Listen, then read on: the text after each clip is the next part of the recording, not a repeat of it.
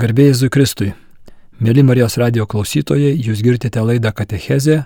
Tęsime paskaitų ciklą Dvasinės ekologijos bibliniai ir teologiniai pagrindai, kurį vedu aš, VDU Katalikų teologijos fakulteto dėstytojas Artūras Lukaševičius. Šiandien mūsų tema yra šeštas ir devintas dekalogo įsakymai, tai yra nepaleikstuvauk ir negeisk svetimo vyro svetimos moters. Tai yra du įsakymai reglamentuojantis mūsų apetitą seksualiniam malonumui. Matome, penktadalis dekalogų skirtas šitai svarbiai sričiai, vadinasi, šitie apetitai yra pavojingi, kai jie ištrūksta iš proto ir valios kontrolės. Dėmesys didelis yra. Į žmogaus litiškumą turėtume tačiau žvelgti ne per draudimo prizmę, kurį išreiškia, tą draudimą išreiškia dekalogo šitie du įsakymai, rėmus duoda, bet plačiau turėtume žiūrėti, kitaip mes jo teisingai nesuprasime. Ir žmogaus litiškumas yra Dievo sukurtas, Dievo norėtas, skirtas išreikšti labai svarbiems dalykams. Kalbėsiu vėliau apie juos. Labai artimai susijęs su mūsų e, giliausių bendrystės poreikio. Mes esame sukurti giliai bendrystėj, komunijai, susivienijimui, kurį lytinis aktas taip pat ir išreiškia tą susivienimą netgi kūno plotmėje. Tai labai svarbu yra krikščioniškų požiūrių. Mūsų širdis trokšta tačiau labai gilios bendrystės, visapusiškos bendrystės. Mes esame integralūs ir vėlgi litiškumo plotmėtas mūsų integralumas labai ryškiai matosi. Tai, ką mūsų kūnai išreiškia fizinėje plotmėje, mes trokštame širdies ir proto ir valios ir emocijų lygmenyje. Mes trokštam bendrystės visapusiškos.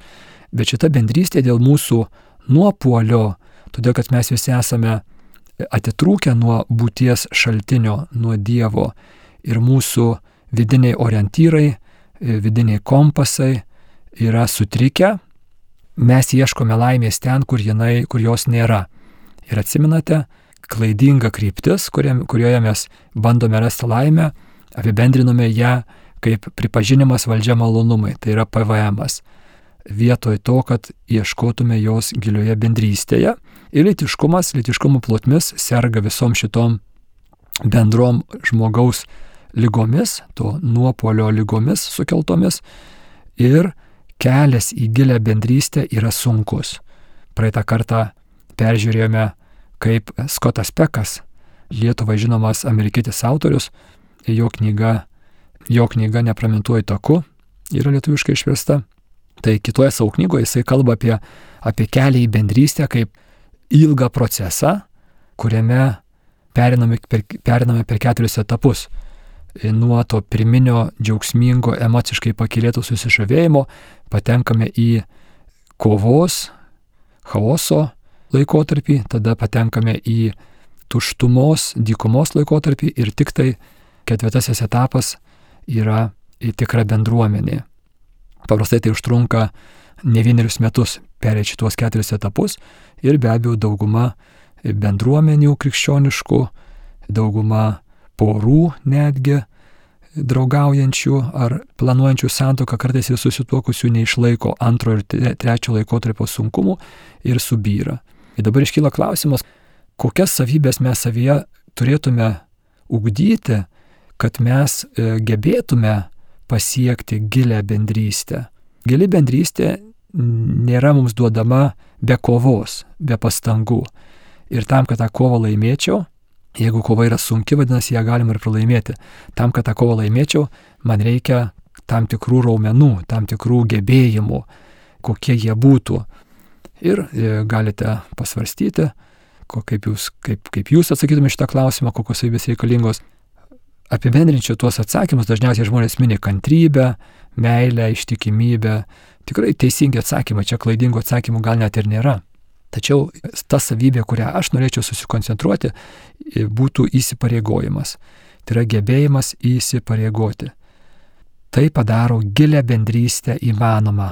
Per įsipareigojimą gili bendrystė tampa pasiekiama. Yra įmanoma. Bet tam, kad aš gebėčiau įsipareigoti, aš turiu ugdyti savyje tam tikras savybės. Dabar kodėl tas įsipareigojimas toksai raktinės yra? Todėl, kad jisai yra pagrindas pasitikėjimui. Taip sakant, jeigu tu man esi įsipareigojęs ir priklausomai nuo tiek, kiek tu man esi įsipareigojęs, aš su tavim jausiuosi saugus parodyti savo pažeidžiamumus, trūkumus, ta biblinė kalba kalbant, kur aptariau prieš mėnesį maždaug, įsipareigojimas padaro galimybę mums vienas su kitu būti savimi, arba biblinė kalba kalbant būti nuogu, nebijant, kad kitas tuo egoistiškai pasinaudos. Mane atstums, paliks, išjuoks, pašieps ir taip toliau. Įsipareigojimas yra savanoriškas savo apetitų apribojimas, apetitų PVM-ui, pripažinimui, valdžiai, malonumui. Ir matome, kad gali būti įvairios įsipareigojimo formos. Pagalvokime, e, vėlgi taip labai dažnai naudinga teologinius terminus, krikščioniškus terminus padėti į mūsų kasdienį kontekstą ir pažiūrėti, kaip tą žodį mes naudojame kasdienybėje. Tai mes naudojam tą žodį įsipareigojimas gana dažnai, gal jisai ten šiek tiek kitaip išreiškimas, bet žiūrėkite, mes visi įsipareigojame įvairiuose lygmenyse. Pasirašydami sutartį su elektros tiekėjų mes įsipareigojame aštuoniems mėnesiams ar tenais dviems metams ar kažkiek tai įsipareigojame to sutarties nenutraukti. Ten reiškia, mums įsipareigoja tiekėjas tam tikrą kainą palaikyti, mes įsipareigojame sumokėti laiku už, už mėnesio elektros tiekimą ir panašiai. Įsipareigojimas bendramokslis, bendradarbis. Esame kažkiek įsipareigoję, jaučiamės vienas tas ryšys, jo turi tam tikrą įsipareigojimo lygmenį. Pavyzdžiui, iš bendradarbio galima 5 eurus pasiskolinti, ten šiandien grinų pinigų neatsinešiau, tai man kavai ar kažkam tai panašiai ir tas žmogus supranta, kad aš nedingsiu su tais 5 eurais, o rytoj atiduosiu ar po savaitės atiduosiu, reiškia tam tikras pasitikėjimo lygis atsiranda iš to įsipareigojimo įsipareigojimas iš karto, reiškia, gimdo pasitikėjimą. Kita medalio pusė, kita monetos pusė yra pasitikėjimas. Ir priklausomai nuo įsipareigojimų lygmens yra ir pasitikėjimų lygmuo. Geras draugas jau būtų dar didesnis įsipareigojimas ir dar didesnis pasitikėjimas. Ir tada pati aukščiausia įsipareigojimo forma mums žinome šioje žemėje tai būtų santoka. Santoka jau būtų, reiškia, ypatingai aukšto lygio, ypatingai didelio intensyvumo įsipareigojimas besąlyginis, mes jį vadinam besąlyginiu. Aišku, ar mums pavyksta tą besąlyginį įsipareigojimą atlikti, kitas klausimas, bet, bet tas idealas pagal sumanimą kūrėjo santoka yra besąlyginis įsipareigojimas. Ir kuo gilesnis įsipareigojimas, tuo didesnis pasitikėjimas ir todėl tuo gilesnė bendrystė įgalina pasiekti tas įsipareigojimas. Ir kadangi žmogaus laimė yra būtent bendrystėje, gilioje bendrystėje mes trokštame labai giliai, kad kitas mane pažintų ir pripažintų mano gerumą, tai reiškia mylėtų. Ir aš turiu gebėjimą kitą nei aš pats labai giliai pažinti ir pripažinti jo gerumą, tai reiškia mylėti. Įsipareigojimas yra neišvengiamai raktas, kelias į tą gilę bendrystę. Ir pastebėkime ne tik tai santuokoje, ne tik tai draugystėje, bet kurioje kitoje srityje, norėdamas daugiau pasiekti, aš turiu įsipareigoti tai sričiai. Tai reiškia apriboti savo galimybės pakeisti savo pasirinkimą. Tam, kad pasiekčiau profesinėje srityje, aš turiu apriboti savo pasirinkimus iki vienos profesijos. Nu, kai kuriais atvejais žmonės labai gabūs būna dviejose profesijose, gal genijai gali būti ir daugiau, bet šiaip dauguma žmonių iš mūsų reiškia tam, kad mes pasiektume kažko tai profesinėme gyvenime, mes turime apriboti savo galimybės iki pačio siauriausio lygmens, tai yra vienos profesijos. Ir kartais netgi to pačioje profesijoje turime specializuotis neišvengiamai. Ir netgi, žiūrėkime, vėl tas pats elektros tiekėjo mobilaus ryšio tiekėjo pasirinkimas irgi yra savo galimybių apribojimas. Jis, aišku, daug žemesnio lygmens, galima ten nutraukti tą sutartį, kartais bauda bus, kartais ten kokios tai kitos sankcijos, kartais net ir nieko nebus, bet irgi tai yra tam tikras įsipareigojimas.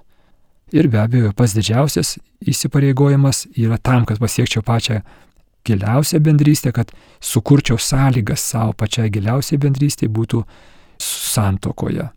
Ir iš čia mes matome e, akivaizdžiai priežastį, kodėl aš norėčiau save apriboti. Įsipareigojimas yra savęs apribojimas tam, kad daugiau pasiekčiau.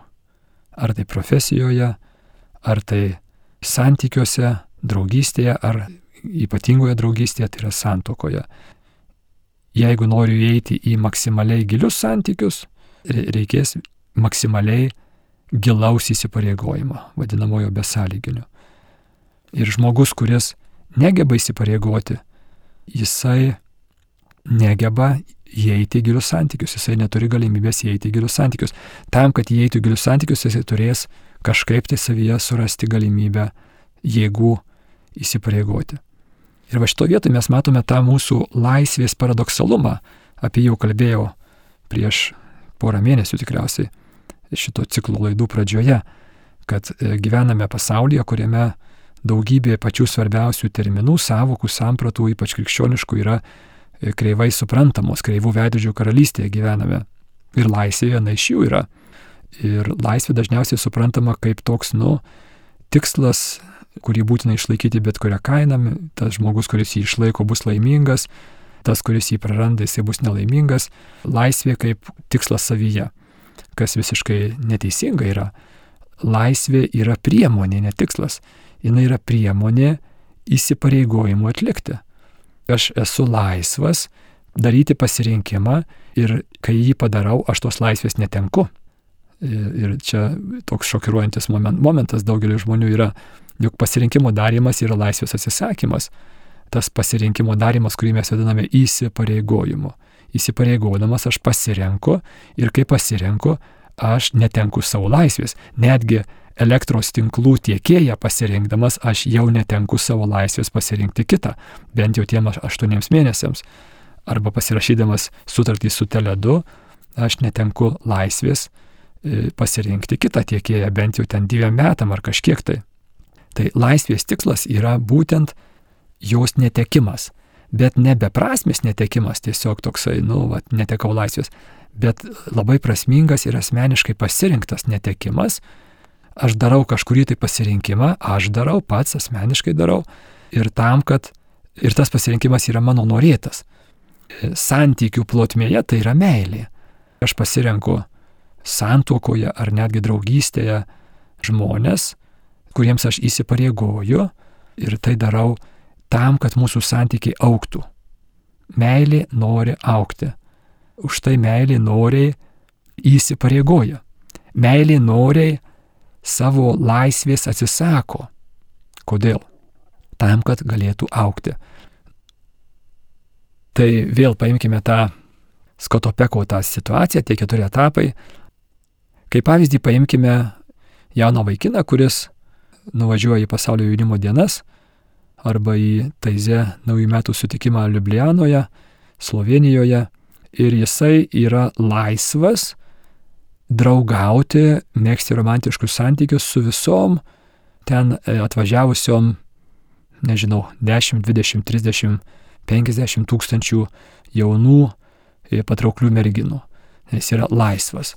Ir štai jisai savo ten kokioje tai grupelėje pasidalinimo susipažįsta su trim iš jų.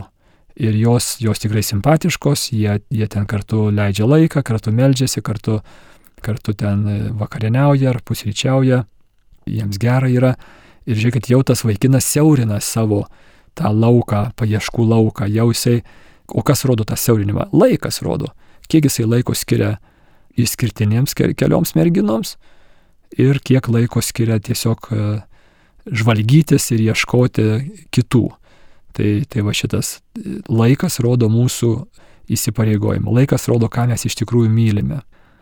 Na va, ir tada, jeigu tas vaikinas vis dėlto norės ir toliau aukti bendrystėje, jisai turės dar siaurintis. Ir galų galę tas siaurinimasis nueis iki vienos merginos. Kodėl?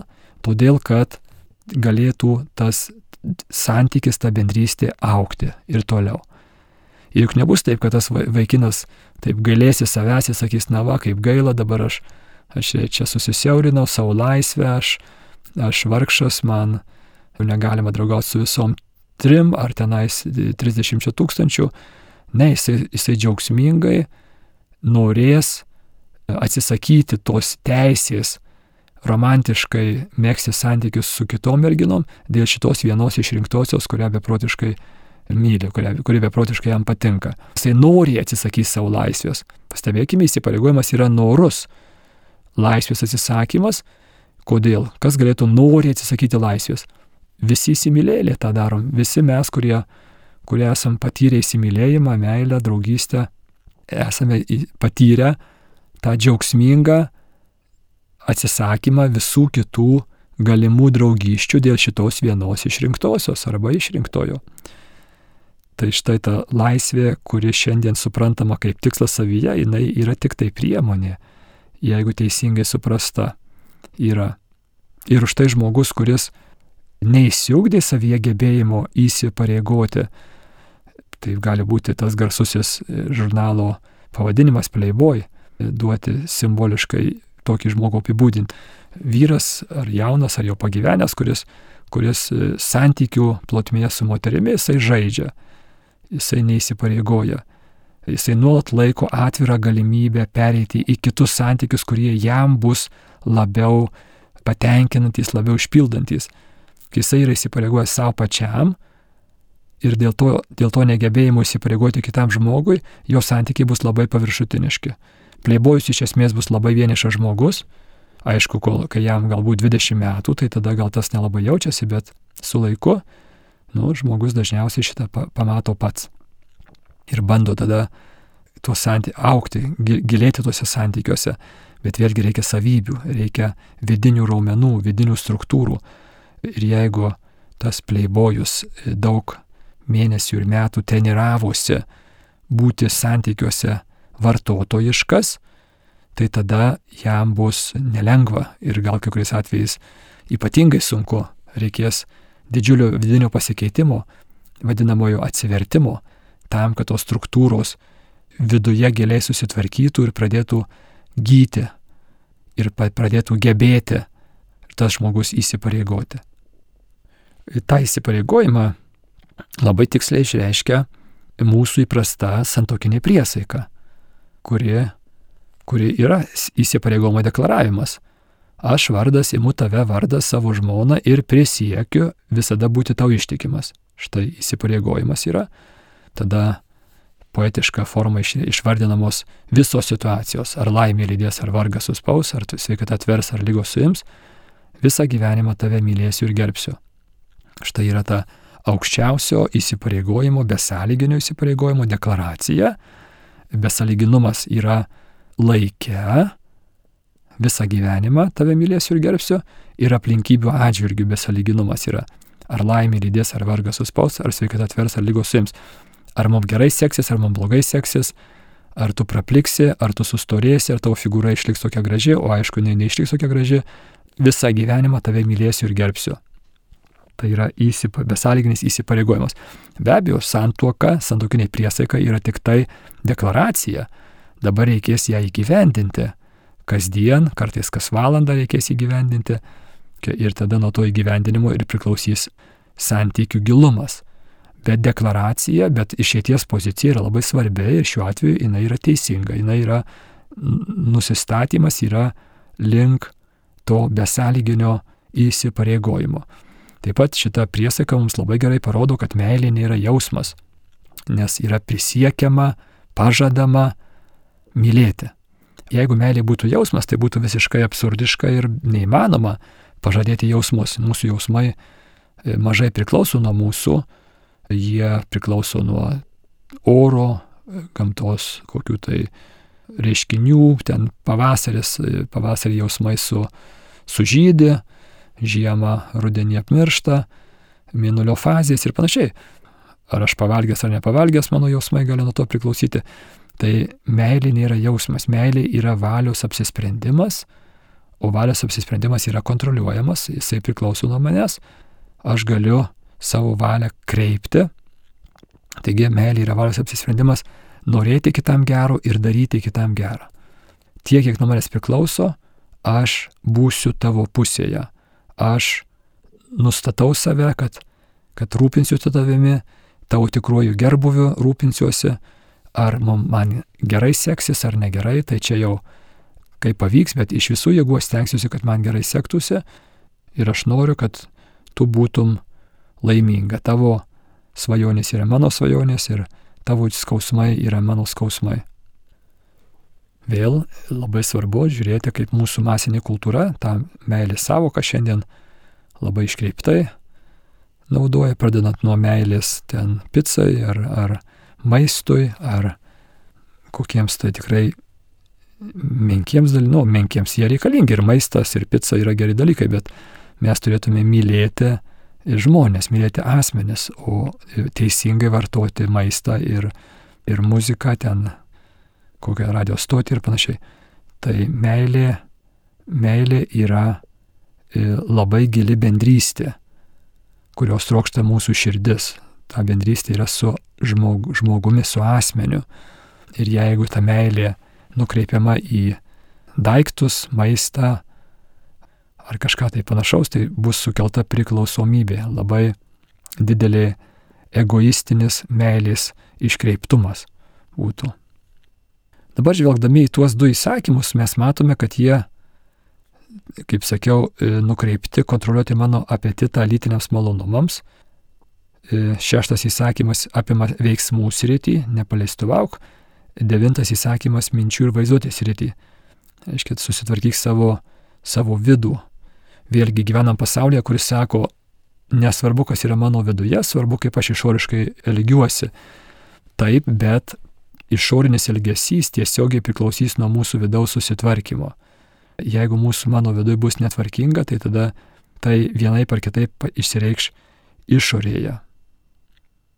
E, lytiniai santykiai, kaip ir visi kūrėjo sukurti dalykai, turi ribas. Atsimenat, pirmose paskaitose kalbėjau apie tą kūrimo procesą kaip ribų brėžimo procesą. E, kūrėjas kaip ribų brėžėjas. Jisai nubrėžia tam tikras ribas ir visa kūrinyje tų ribų laikosi užprogramuotų būdų per gamtos dėsnius, per traukos, stumos, ten visokiausi boilio ir, žiūrėkit, fizika, chemija, tuos dėsnius. Tai yra tam tikros ribos. Dalykai yra taip, o ne kitaip. Dalykai yra taip, o ne bet kaip yra tam, tam tikra riba, kas mėgstat fiziką, chemiją, matematiką, aš irgi vienas iš tų esu, e, tiksliukas esu, tai mane žavi tos, tos e, diagramos, išreiškinčios ten tos parabolės, hiperbolės, kai ten tie dėsningumai, tas pi skaičius, yra taip, o ne kitaip. Ir kas nustatė taip, kad būtų taip, ne kitaip čia, krikščioniško požiūriu, tai yra Dievo kūrin, kūrybos dalis. Jis, jis sukonstravo visatą štai taip, o ne kitaip ir žmogus per mokslą tai e, atranda. Jisai gilinasi ir atranda tos dėsningumus. Ir vienintelis iš mums žinomų materialių kūrinių žmogus yra pakviestas tuos dėsningumus pripažinti laisvai apsispręsdamas už tai. Ir gali to ir nepadaryti, jisai gali jų nepripažinti. Ir prieš 60-70 metų mes matėme, kaip žmogus savavališkai elgėsi Sovietų sąjungoje su gamta, gamtą bandė pavergti, užkariauti ir nieko neišėjo, nes tų dėsningumų nepakeisi. Tu privalai juos, juos gerbti, nes kitaip jie trenks atgal, kaip, kaip bumerangas. Tai lygiai taip pat yra visose kitose plotmėse. Yra tam tikri dėsningumai, ir gamtoje, ir žmogaus kūne fizinėme, ir mūsų dvasinėje sieloje yra tam tikri dėsningumai, kurie yra kurėjo sukonstruoti, surėdyti taip, o ne kitaip. Ir žmogus yra pakviestas juos atpažinti ir jiems paklusti laisvai apsispręsdamas už tai. Ne automatiškai, ne taip kaip visa kūrinyje likusi materialioji kūrinyje jinai paklūsta e, automatiškai. Per instinktus, per fizi fiziologiją aug augmenyje, negyvoji gamta per fizikinius dėsnius, tai žmogus yra pakviestas juos gerbti tuos dėsningumus iš pasitikėjimo kūrėjų. Bet matėme, žalčio gundimas pradžios knygos trečiame skyriuje būtent ir buvo nepasitikėti kūrėjų ir patiems nusistatyti savo dėsningumus, nes kuriejų nustatyti dėsningumai pagal žalčio pagundimą neduos mums laimės. Ir žmogus priima šitą pasiūlymą dėja ir mes visi bandome patys spręsti, kas man gera ir kas man bloga, kas mane padarys laimingą. Lytinė plotmė yra ypač tam pažeidžiama, nes jinai labai artimai susijusi su mano troškimu gilios bendrystės, troškimu būti mylimu ir mylėti, ir už tai tas rytis ypatingai atsiveria pavojams dideliems. Taigi, lytiniai santykiai, kaip ir visi kurie sukurtieji dalykai, turi savo ribas. Tada kyla klausimas, kokios tos ribos yra. Jos jau pačiam pirmajame pradžios knygos skyriuje yra pradėtos nustatinėti, kur Dievas sukuria žmogų kaip vyrą ir moterį ir palaimina juos vaisingumo palaiminimu, tardamas būkite vaisingi ir dauginkitės, užpildykite žemę ir valdykite ją. Tai šitame tekste tikėjimo bendruomenė visada matė tas ribas, lytinių santykių ribas, tai yra tarp vienas kitam besąlygiškai įsipareigojusių vyro ir moters ir santykiai at, turi būti atviri gyvybė, atviri vaisingumui, gyvybės perdavimui. Ir tos dvi tokie sandai, du, dvi tokios e, sudedamosios dalys lytinio akto, pagal kurio planą yra numatytos ir štai yra tos ribos, kuriuose lytinis aktas yra geras, kurio norėtas, kurio garbę duodantis, o žmogui džiaugsmą ir laimę duodantis. Taigi pagal šitą gamtos arba, kaip mes lietuviškai sakome, prigimties tvarką, lytiniai santykiai yra skirti tam giliausiam susivienijimui išreikšti, tai yra vyro ir moters santokai ir prokreacijai. Tas susivienimas yra malonus, apimantis visą žmogų ir tai yra kurėjo norėta, tai kad lytiniai santykiai yra malonus, yra gėris, kurėjo norėtas gėris, turėtume kaip katalikai ne, nebijoti ir, ir kartais, kartais žmonės kažkaip tai mano, kad tai, kas malonu, yra automatiškai blogai. Ne, savo ribose. Tai yra gerai, maistas yra skanus, labai gerai, dėkojame Dievui. Gamta yra graži, džiuginanti akį, labai gerai. Lytiniai santykiai yra malonūs, tai yra kurėjo norėti. Taigi prokreacija ir susivienimas dvi tos sudėtinės dalys yra ir jas atskirti būtų išardyti kurėjo nustatytą tvarką. O kaip tik būtent tai žmogus, kuris pats sprendžia, kas jam, kas jį padarys laimingą, kas jam yra gera ir bloga. Pagal žalčio pasiūlymą mes ir gyvename pasaulyje, kuriame ta tvarka yra nuolat išardoma. Ir mūsų e, apetitas seksualiniam malonumui yra ypatingai išsipūtęs ir padidėjęs ir daugeliu atveju nuėjęs iki priklausomybių lygmens, jau ne tik tai įpročio, bet ir poreikio lygmens ir kaip matysime vėliau, tada ir malonumo pojūtis sumažėja. Ir tikrai didelė problema čia yra. Reiškia, tada jeigu išardomas tas, tas integracija, vaisingumo, tai yra atvirumo gyvybei ir e, susivienijimo, tai tada daugybė dalykų tampa neaišku. Ir bažnyčia labai įspėja stipriai, kad kad tas išardyta, net, nu, išardydami mes sugriauname kurėjo tvarką ir pažydžiame savo giliausias struktūras, e, sužydžiame savo sielas ir jos tampa nepajėgios tinkamai funkcionuoti ir džiaugtis gyvenimu.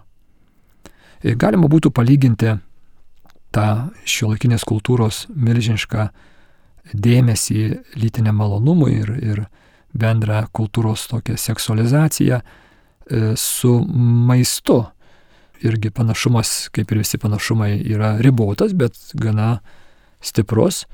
Kodėl mes valgome? Tam, kad e, pasisotintume, kad, kad reiškia, mūsų kūnai būtų pasotinti, sustiprinti, kad gyventume, bet taip pat maistas yra skanus, valgant malonu bendrauti. Bet jeigu atskirtume pasisotinimą e, maitinimėsi nuo skonio ir malonumo bendrauti, išardytume tokią labai gilę vienybę ir dar dauguma iš mūsų nesunkiai atpažįstame tą, tą žmogaus sielos susirgymą, kuris iš to kyla. Žinome, pavyzdžiui, Romos imperijoje būdavo tokios diduomenės puotos, kuriuose labai skanus maistas yra ir tam, kad galėtum jo didžiulės kiekis mėgautis, būdavo, būdavo reiškia, sukeliamas, sukeliamas vėmimas tam, kad, kad skrandis įsituštintų ir žmogus vėl galėtų jį kišti visokius skanumynus. Na, va, tai būtų atskirti tie maitinimosi procese esantys du neišardomi elementai, tai yra maistas skirtas pasisotinti ir pasimėgauti jo skoniu, pasimėgauti gerą kompaniją kartu valgant. Bet jeigu mes išardome šitą, šitą vienybę, tai kažkas tai labai giliai žmogaus sieloje sutrinka. Jisai, jisai kažkas tikrai netvarko yra. Jeigu žmogus valgo, valgo, valgo, tada eina įsivėmę ir toliau valgo, valgo, valgo. Reiškia, kažkas yra ne tik tai, kad maistas yra, nu, sugadinamas ar, ar išniekinamas, bet ir kažkas tokio žmogaus sieloje yra esmiškai iškreipiama, e, suardoma. Ir, ir atstatymas yra įmanomas, bet jis jau reikalaus pastangų, laiko ir panašiai. Kartais girdime, kai kurie dvasiniai rašytojai įspėja, įspėja mus, kad prokreacija, lytinis aktas vietoj prokreacijos tapo rekreacija, ta, ta, tapo pramogavimu. Bet kurėjo buvo kitaip numatyta ir jeigu mes patys sprendžiame, kas mums gera ir kas mums bloga, kas mus padarys laimingus, mes rizikuojame susargdinti savo vidų ir mes rizikuojame susargdinti savo, savo vidų. Čia panašiai kaip, kaip paauglys, kurį, e, kurį jau minėjau pradžioje tą pavyzdį, reiškia paauglys, kuris valgo ne, nesveikai, ten, sakykime, kasdien kokius tai čipsus ir Coca-Cola, Ir jisai sako, man tai nekenkia. Niekas čia manęs nesargdina, aš puikiai jaučiuosi, aš esu laimingas, patenkintas, nesukit man galvos. Čia tik tai laiko klausimas, kada tas nesveikas maitinimasis susargdins tavo skrandį, virškinimą tiek, kad tai jausis jau ir išoriškai. Tai lygiai taip pat ir mūsų neteisingas lytinio malonumo vartojimas sargdina mūsų vidų ir mes tampame ir mes netenkame labai svarbaus įrankio mūsų, mūsų lytiškumo, lytinio potraukio, vedančio į gilę bendrystę. Ir, e, tada toksai žmogus, kuris šituo keliu e, savo galės, savo vidinės struktūras nukreipė, jisai tampa neįgalus užmėgsti gilias bendrystės. Ir ar čia nėra priežastis, dėl ko vakarų pasaulyje su dideliu greičiu auga ir jau tikrai rimtą susirūpinimą kelia vienišumo problema. Žmogus, kuris nukreipė savo lytinės galės, tai reiškia labai galingas galės į pramogavimo plotmę, tos galios jau nebus naudojamos bendrystėje užmėsgymo, bendrystės užmėsgymo plotmėje. Neužmėgus bendrystės, loginė pasiekmė bus vienišumas. Ir va šitoje vietoje kitas atskirimas susivienijimo nuo prokreacijos, susivienijimo, kuris yra malonus ir prokreacija, vaisingumas, kurie yra atsakomybė. Ir prokreacija, kuri mane įpareigoja su atsakomybė priimti naują kūdikį ateinantį. Čia vaisingumas kalbamas, kalbama ne kokia tai bendraja prasme apie profesinį vaisingumą, kaip kartais dabar girdime, ar ten kokį kitokį, bet čia kalbam apie, apie naują kūdikį, apie naują žmogų ateinantį į pasaulį. Tai atskyrus tuos tas dvi plotmės lytinio akto, šardoma ta integracija, neišvengiamai tai sutrikdys žmogaus vidinės galės, mūsų sielos galės ir tie sutrikimai pasireiks išoriškai kažkaip tai. Tai tie veiksmai, kurie dažniausiai išardo šitą integracija atskiria susivienijimą nuo vaisingumo, tai būtų pornografija, masturbacija, prostitucija, paleistuvavimas, svetimavimas.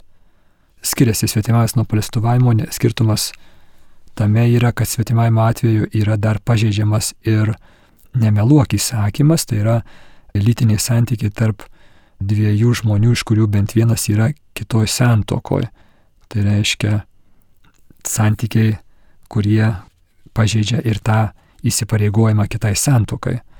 Paleistuvavimas yra lytiniai santykiai tarp nesusituokusiųjų. Homoseksualūs veiksmai, kreipiu jūsų dėmesį, bažnyčia labai pabrėžtinai atskiria potraukį nuo veiksmų.